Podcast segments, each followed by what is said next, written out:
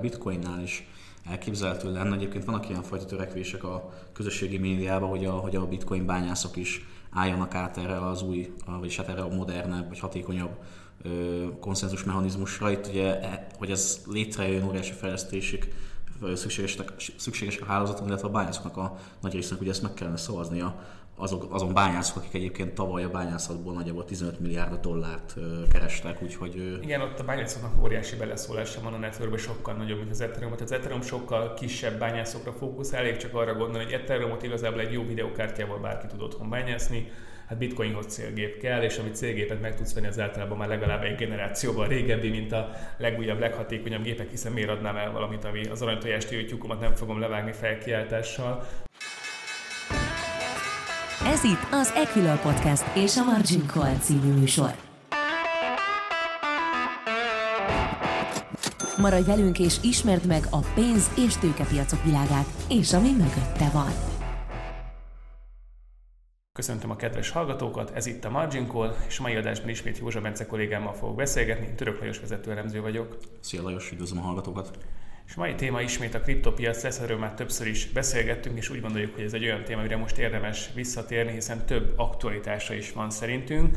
Az adás első felében arról fogunk beszélni, hogy az orosz-ukrán háborúban mennyire mutatkozott meg egyébként a kriptoeszközöknek a menekülő deviza jellege, vagy menekülő eszköz jellege, míg az adás második felében majd a különböző ESG hatásokról, illetve ESG szempontokról fogunk beszélgetni.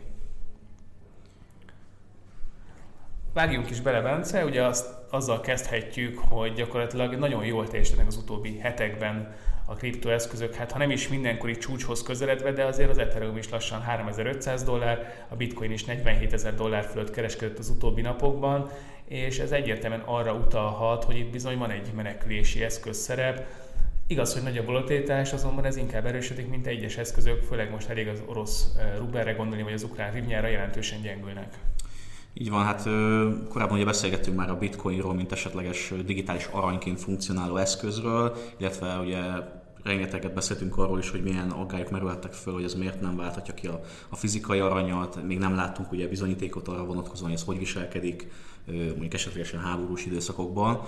Hát most így az orosz-ukrán háború kapcsán egyébként most láthatunk erre vonatkozó tényleges bizonyítékokat. Most összegyűjtöttem egyébként azt, hogy a bitcoin február 24 óta milyen teljesítményt produkált, ez nagyjából több mint 40%-ot ment fel. Most az adás felvételéig, ugye most csütörtök kora délután veszük fel. 31 csütörtök kora délután veszük fel. Igen. Ezt a kriptopiacnál mindig majdnem percre pontosan érdemes Igen. rögzíteni. Lehet, mire feltegyük az adást, már megint valami, nem tudom, óriási zuhanásokba leszünk, vagy, vagy óriási kilövésekbe. Igen. Igen. Na, tehát visszatérve erre, tehát a bitcoin az több mint 40%-os pluszban az elmúlt bő egy hónapban, ugye február 24 óta, míg az Ethereum árfolyam 50% fölötti teljesítményt produkált ebben a, ebben a hát bő egy hónapban. Igen, ez egy érdekes egyébként, mert amiatt kirobbant volna a háború, azt láttuk, hogy talán a csökkenő pénzbőség negatívan hathat ezekre az eszközökre. Ugye beszéltünk már az inflációval kapcsolatban, hogy azért infláció hedge tehát infláció védelmek nem biztos, hogy jól szerepeltek ezek, vagy szerepelnek ezek az eszközök. Azonban most, amikor valóban igazi menekülő eszközként tudnak funkcionálni, tényleg szó sajnos legszorosabb értelmévé esetekben, akkor viszont kilőttek az árfolyamok, tehát úgy tűnik, hogy a pénzbőség talán csökkenése ellenére is nagyon jól tud teljesíteni ez az eszközosztály. Igen, megint visszareflektálnék a korábbi adásunkra, aki egyébként ezt nem hallgatta meg, az mindenképp hallgassa meg.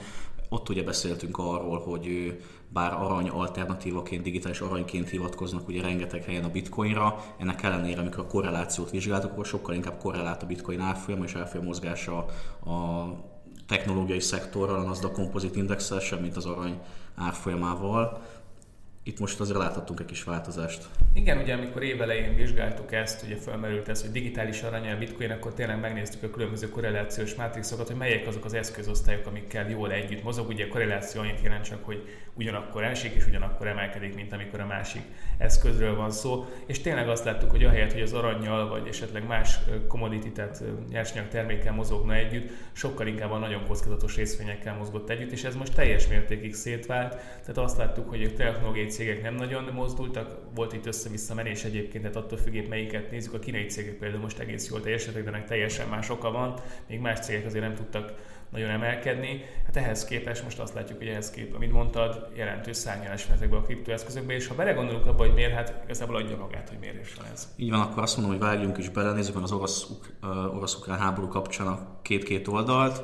Vegyük akkor először talán a, a, az ukránok oldalát, ott ugye a digitalizációt felelős minisztérium elég hamar, hamar nyitott egy, egy számlát, egy, egy kriptotárcát a, az ország számára, amiben óriási összeget lehetett ugye kriptovalutába utalni az ukrán kormány számára, akik ezt a befolyó összeget ugye fegyverkezésre, töltényekre, védőfelszerelésre tudták költeni, élelemre, és erre van is egy adatunk egyébként egészen pontosan március 9-ig közel 63 millió dollárt utaltak adományként különböző országokból kriptovalutába. Ez a jelentős részt egyébként Bitcoin, Ethereum és a, a Tetherbe volt, tehát egy stablecoinba volt. Eleinte csak ebben a három kriptovalutában lehetett adományozni az ukránoknak, aztán ez később, néhány nappal később egyébként kibővítették, és gyakorlatilag a Dogecoin-tól kezdve már bármit, bármit lehetett utalni az ukránoknak. Remélem Shiba Inut is. Shiba Inut is, így van, így van. Azért azt hozzátenném egyébként, ami szerintem nagyon érdekes volt, és erről szerintem többet is beszéltünk, hogy Bitcoin vagy Ether, vagy esetleg más altcoin, hogy az Etherből volt a legtöbb utalás, tehát ilyen szempontból talán már tényleg kezdi átvenni az Ether a Bitcoin szerepét bizonyos esetekben.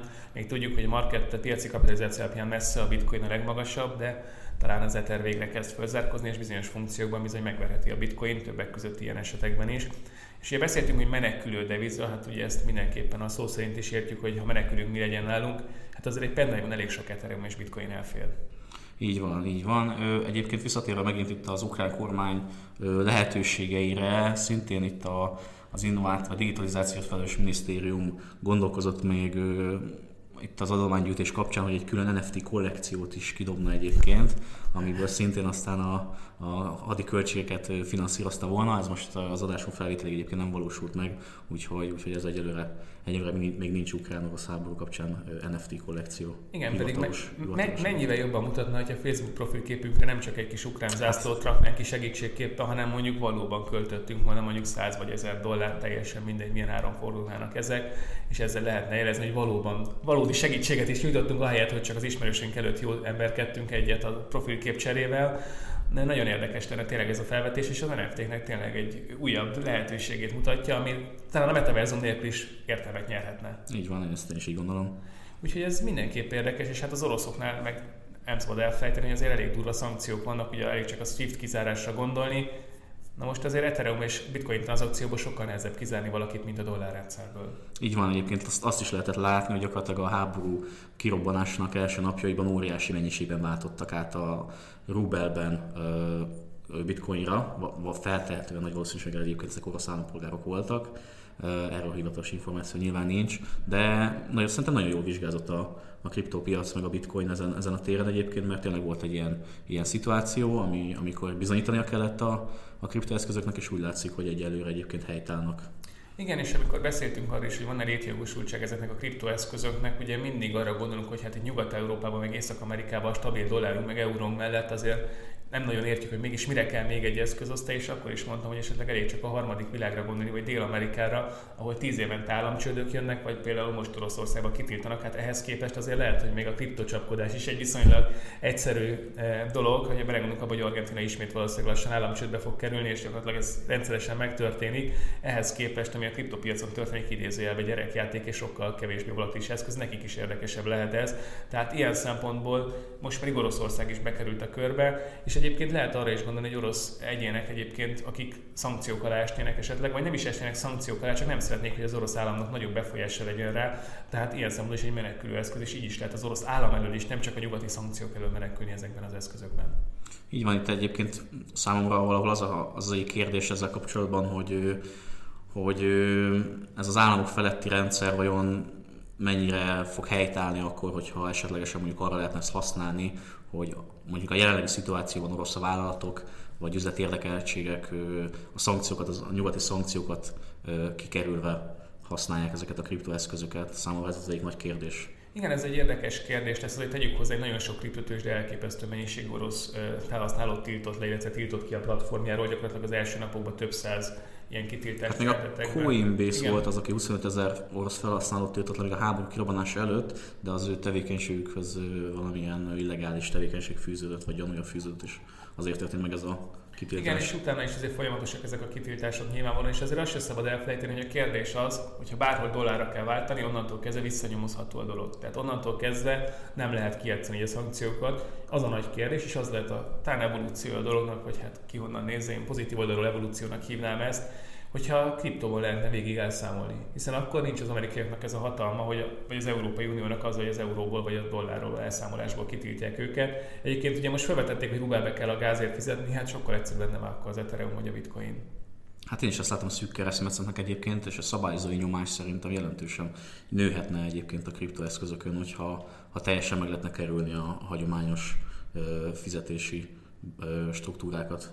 Igen, de a kérdés az, hogy jogos az, hogy egyes embereket kitiltanak a virágkereskedelemből. Most nyilván nem arra gondolok, hogy az Oroszországot, mint a háborús agresszor félt, esetleg így próbáljuk szankcionálni, bár egyébként egy teljesen oldalvíz, nem tényleg nem menjünk most be ebbe vele, mert ez lehet egy külön is megérne, de gyakorlatilag azzal, hogy bevetette a nukleáris, az atom, idézve bevet atombombát, ugye Amerika az, hogy a dollarizációból kitiltotta Oroszországot, és ugye lefoglalta az orosz jegybanknak az dollár eszközeit Amerikában, ezzel gyakorlatilag nagyon nagy bizalmat vesztett a dollár, és a dollarizációnak lehet, hogy ez a végét fogja megjelenteni. Side note bezárt, tényleg most ebben nem menjünk olyan mélyen mert ez egy külön adás szerintem meg fog érni, de minden esetre ez is egy lehetőség lehet a kriptoeszközök felé. Például a kínai jegybank azt fogja mondani, hogy akarok-e ekkora dolláreszközöket tartani, hogyha tegyük fel esetleg Tajvánra vagy más olyan Amerikának nem tetsző lépést tennék, akkor rögtön lezárják a dollár számláimat. Én nem biztos, hogy kínai jegybankként dollárba fektetném a pénzemet, dollárba tartanám a tartalékaimat, lehet, hogy elgondolkozni nyilván az arany mellett, azt tudjuk, hogy a jegy, főleg a jegybankárok meg egyes tradicionálisabban és konzervatívabban gondolkozó befektetők számára mindig ott van, de kriptoeszközök felé is igencsak kacsingatnék, és akkor egy banki kriptopénzekről, ami szintén szerintem egy külön adás témája lesz, majd nem is beszéltünk még. Így van, hát a kript, kriptovilág sötét oldaláként szoktak hivatkozni a, a jegybanki digitális pénz koncepciójára. Igen, tehát ez pont ellenem egy annak, amiről minden... Tehát a libertáriánus törekvés, amire az egész kriptovilág épült, az, annak, annak elég erősen ellen megy a, a. Kínában egyébként a különösen ö, tesztprojektek futatott digitális jegybanki pénzkoncepciója. Egyébként Matolcsi György is nemrég a Facebookra egy digitális jegybankpénzt éltető posztot rakott ki, hát ez lehet figyelmeztető jel is. E, azért megjegyezném, igen, tehát pont arról szólna ezeknek a kriptopankoknak, akik ugye csinálták ezeket a mozgalmakat és ezeket pénzeket létrehozták, hogy gyakorlatilag az államok nélkül működjön egy pénzrendszer. Nem is teljes pénzrendszer egyébként, de legalább egy megtakarítási rendszer tudjon működni az államok nélkül hát a jegybanki digitális pénznek tényleg a lehető legrosszabb dolog lenne, ahol minden kontroll a Nemzeti Banknál lenne, és gyakorlatilag olyan szinten tudnak a negatív kamatokat rád verni, amire egyszerűen most még a készpénz miatt nincsen lehetőségük. Így van, de most ennek a háború kapcsán lát, látjuk, hogy tényleg államok feletti lehetőséget rejt, rejt a, a, a kriptovilág, tehát a ukránok oldaláról is láttuk a felhasználási módjait, illetve az oroszok részéről is menekülő eszközként funkcionált, főleg az átlagpolgárok számára, akik egyébként nyilván semmilyen módon nem tehettek így a, a háborúról vagy a kirobbanásával. Igen, és hát ha elég csak a menekülőkre gondolni, például Budapesten nem lehetett rövinyát váltani, vagy legalábbis nagyon kevés helyen, és nagyon-nagyon rossz árfolyama. Tehát még a hivatalos árfolyamhoz képest is, ami hogy hogy alakult ki ez, most nem menjünk bele, szintén ott is azért történtek érdekességek, de a lényeg, hogy aki rivnyak készpénzzel menekült, az sajnos Budapesten sokra nem ment vele. Ehhez képest ott a zsebedbe a pendrive, ott van rajta három Ethereum tegyük föl mondjuk, azért azzal pár hónapig ki lehetett volna húzni. Úgyhogy tényleg azt látjuk, hogy mint menekülőeszköz nagyon jól teljesített, szárnyalnak az árfolyamok, hogy ez nem véletlen ezzel összefüggésbe azért, és azt látjuk, hogy ilyen szituációkban lehet, hogy a jövőben tényleg egyre többet fogunk ebbe az irányba fordulni. És összességében szerintem egyébként nőtt most a, a bizalom a kriptoeszközök iránt, meg így a, a nívója. Igen, az biztos, hiszen itt azért tényleg folytonos volt továbbra is a kereskedés, semmi fennakadás nem volt, ugyanúgy tudtál venni, adni. Nyilván az, hogy az árfolyam éppen hol áll, nyilván az is egy kockázat, de ez egy más típusú kockázat, operációs kockázat, eddig úgy tűnik, hogy jól szerepelt, és kopoljuk le szerencsére, azért a szabályozók se kezdték el nagyon mélyen ismét eh, megtámadni ezt, sőt az egyes ismét kijött egy akár pozitív irányba elinduló szabályozási oldal is, és akkor nem beszéltünk még arról, hogyha esetleg nagyon belemennének a különböző intézmények, azért itt még elképesztő lehetőségek vannak elég, csak a futures és forrádok vannak már a bitcoin de esetleg az opciós piac is előbb-utóbb megjelennek komolyabban. Itt még nagyobb elmozdulások lehetnének. Ugye Amerikában már van forward alapú bitcoin ETF, várjuk a bitcoin alapú bitcoin ETF-et, bár megjegyzem, ez nagyon egy bonyolultabb dolog lenne, tehát alapból RTN lenne és nem RTF, és Ugye a, költség, tehát a költségek miatt ez nem lenne olyan egyszerű, illetve a tranzakciós számlimitáció miatt nem lenne annyira egyszerű, de szerintem előbb-utóbb ez is el fog jönni, ugye vannak ennél bonyolultabb termékekbe is eltérnek. Úgyhogy meglátjuk, és eddig tényleg nagyon pozitív volt a tapasztalatunk, legalább ezzel kapcsolatban. Volt egy minimális pozitív hozadéka ennek a háborúnak, aztán ez a kriptoeszközökben történő pozitív bizalomépítés. Maradj velünk! Ez a Margin Call, az Equilor pénzügyi kibeszélő podcast műsora. Az adás első felében beszéltünk arról, hogy azért a kriptoeszközök hogyan teljesítettek abba a háborús időszakban, illetve mekkora előretörések voltak nem csak az árfolyamban, hanem talán a megítélésébe is. És akkor egy picit beszéljünk most a negatív oldaláról, hiszen ez is egyre többet fókuszba kerül. Itt az ESG irány, és főleg az environmental része, tehát a környezeti része. Mennyire szennyező a bitcoin és ethereum bányászat, van erre megoldás, hogy néz ez ki más pénzügyi szereplőkhöz képest, és mi a jövő? Vágjunk is bele!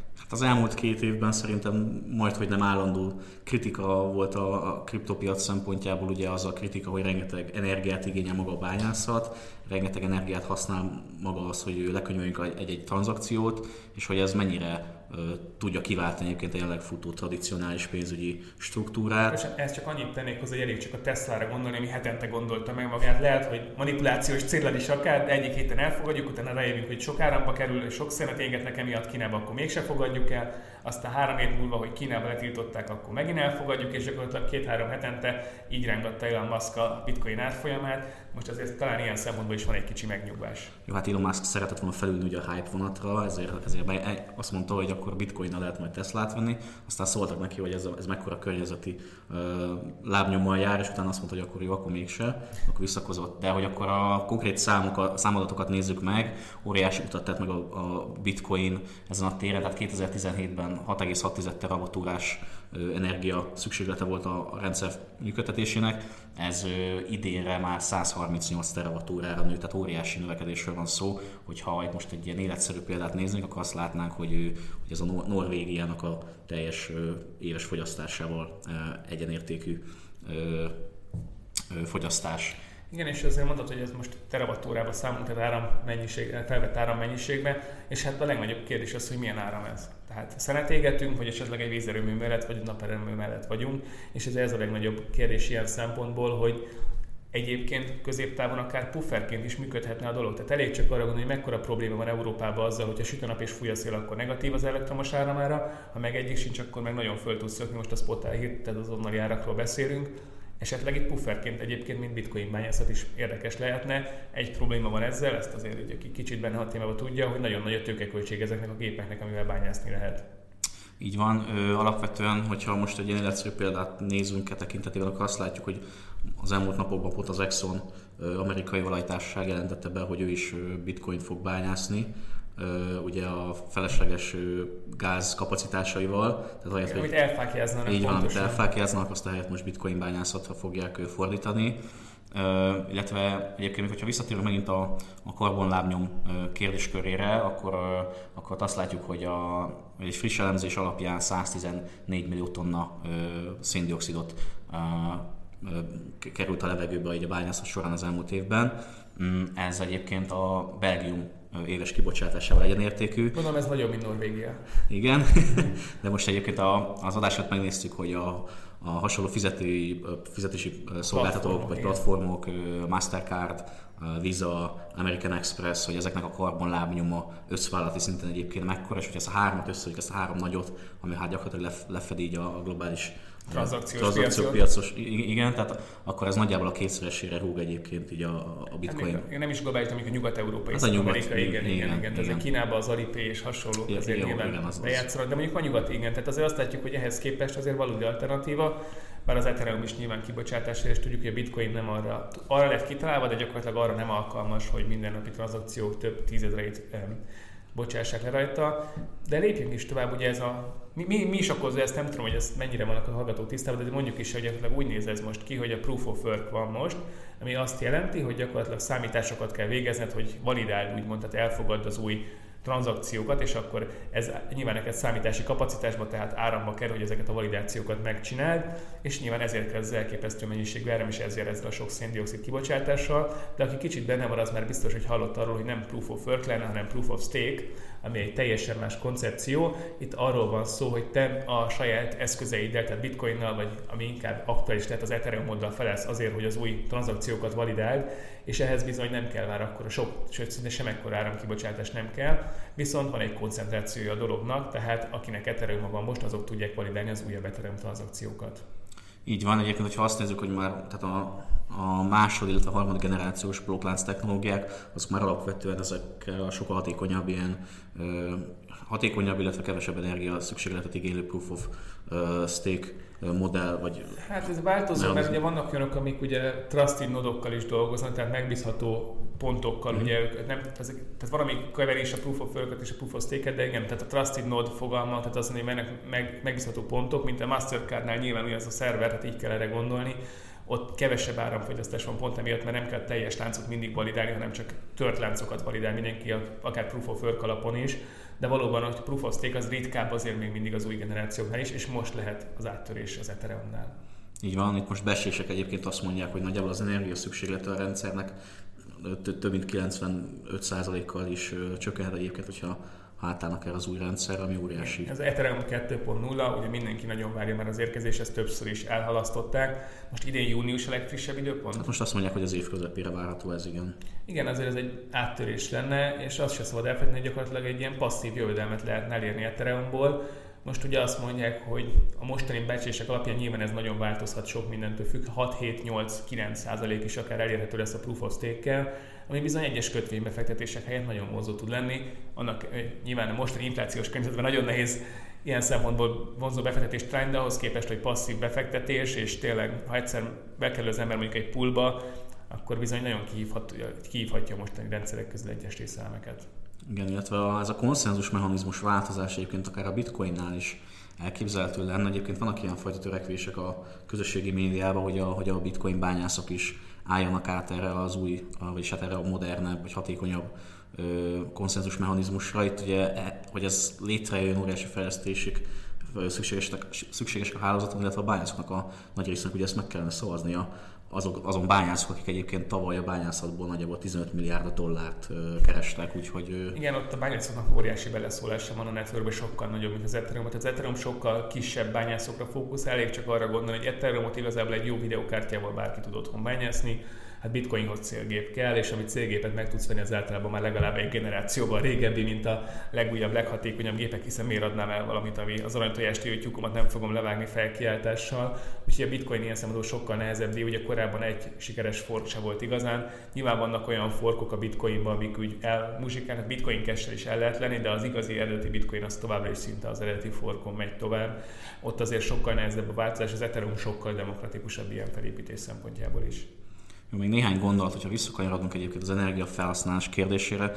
Ugye volt tavaly egy elég nagy változás földrajzi szempontból, ami az egész struktúrát érintette. Ugye eddig ugye az történt gyakorlatilag, hogy Kína betiltotta az országban a bitcoin bányászatot. Ennek ugye az volt az fő oka, hogy, hogy már terhelte a, a, a lakosság, illetve a vállalati ellátás szempontjából itt a... Meg Pekingben olimpia volt, és nem meg, akarták a nagyon a, nagy smogot a városban. A kék ég, kék ég legyen, legyen a Peking felett az olimpia idén, ez ugye ez volt a meghatározott cél.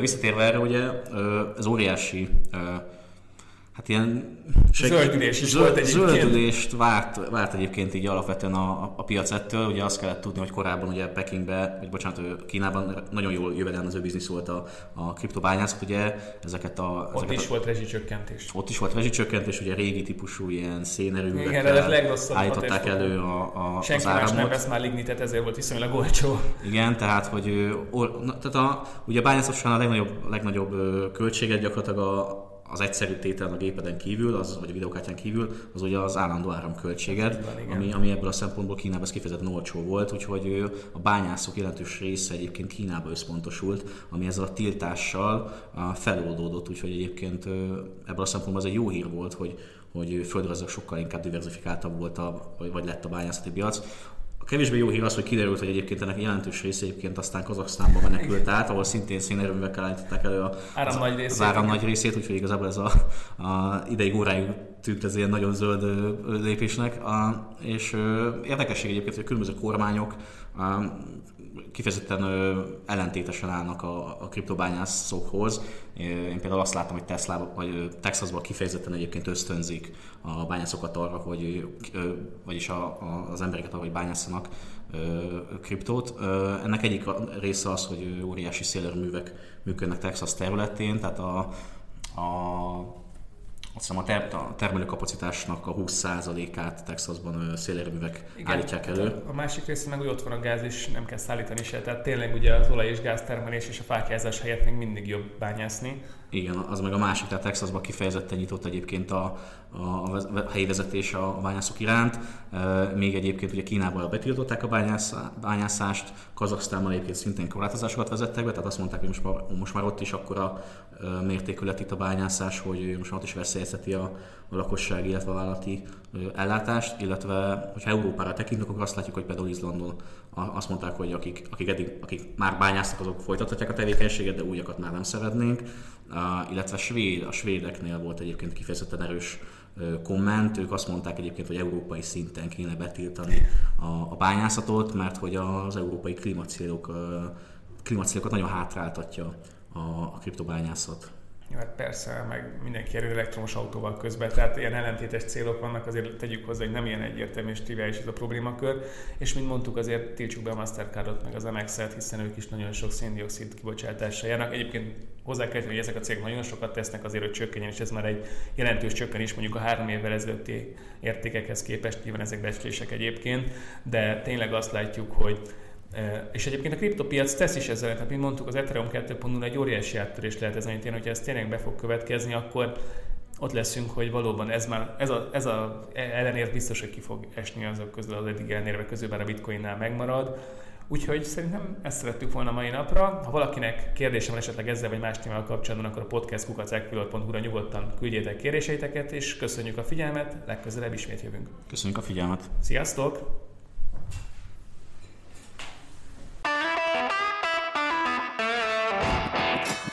Volt a Margin Call, az Equilor pénzügyi kibeszélő podcast műsora. Ha tetszett az adás, iratkozz fel követőink közé, vagy honlapunkon hírlevelünkre, hogy elsőként értesülhess a legizgalmasabb tőzsdei sztorikról. A műsorban elhangzott információk marketing közleménynek minősülnek, és nem a befektetési elemzés függetlenségének előmozdítását célozza. Az elhangzottak tájékoztató jelleggel bírnak, a megszólalók adott időpontban fennálló véleményét tükrözik, nem minősül bármely pénzügyi eszköz jegyzésére, vásárlására vagy eladására történő felhívásnak, befektetési tanácsadásának, továbbá befektetési döntések alapjául sem szolgálhat. Az elhangzottak nem tekinthetők szerződéskötésre vagy kötelezettségvállalásra történő ösztönzésként, azok kizárólag saját felelősségre használhatóak fel. Részletes tájékoztatóért keresse fel honlapunkat www.ekilör.hu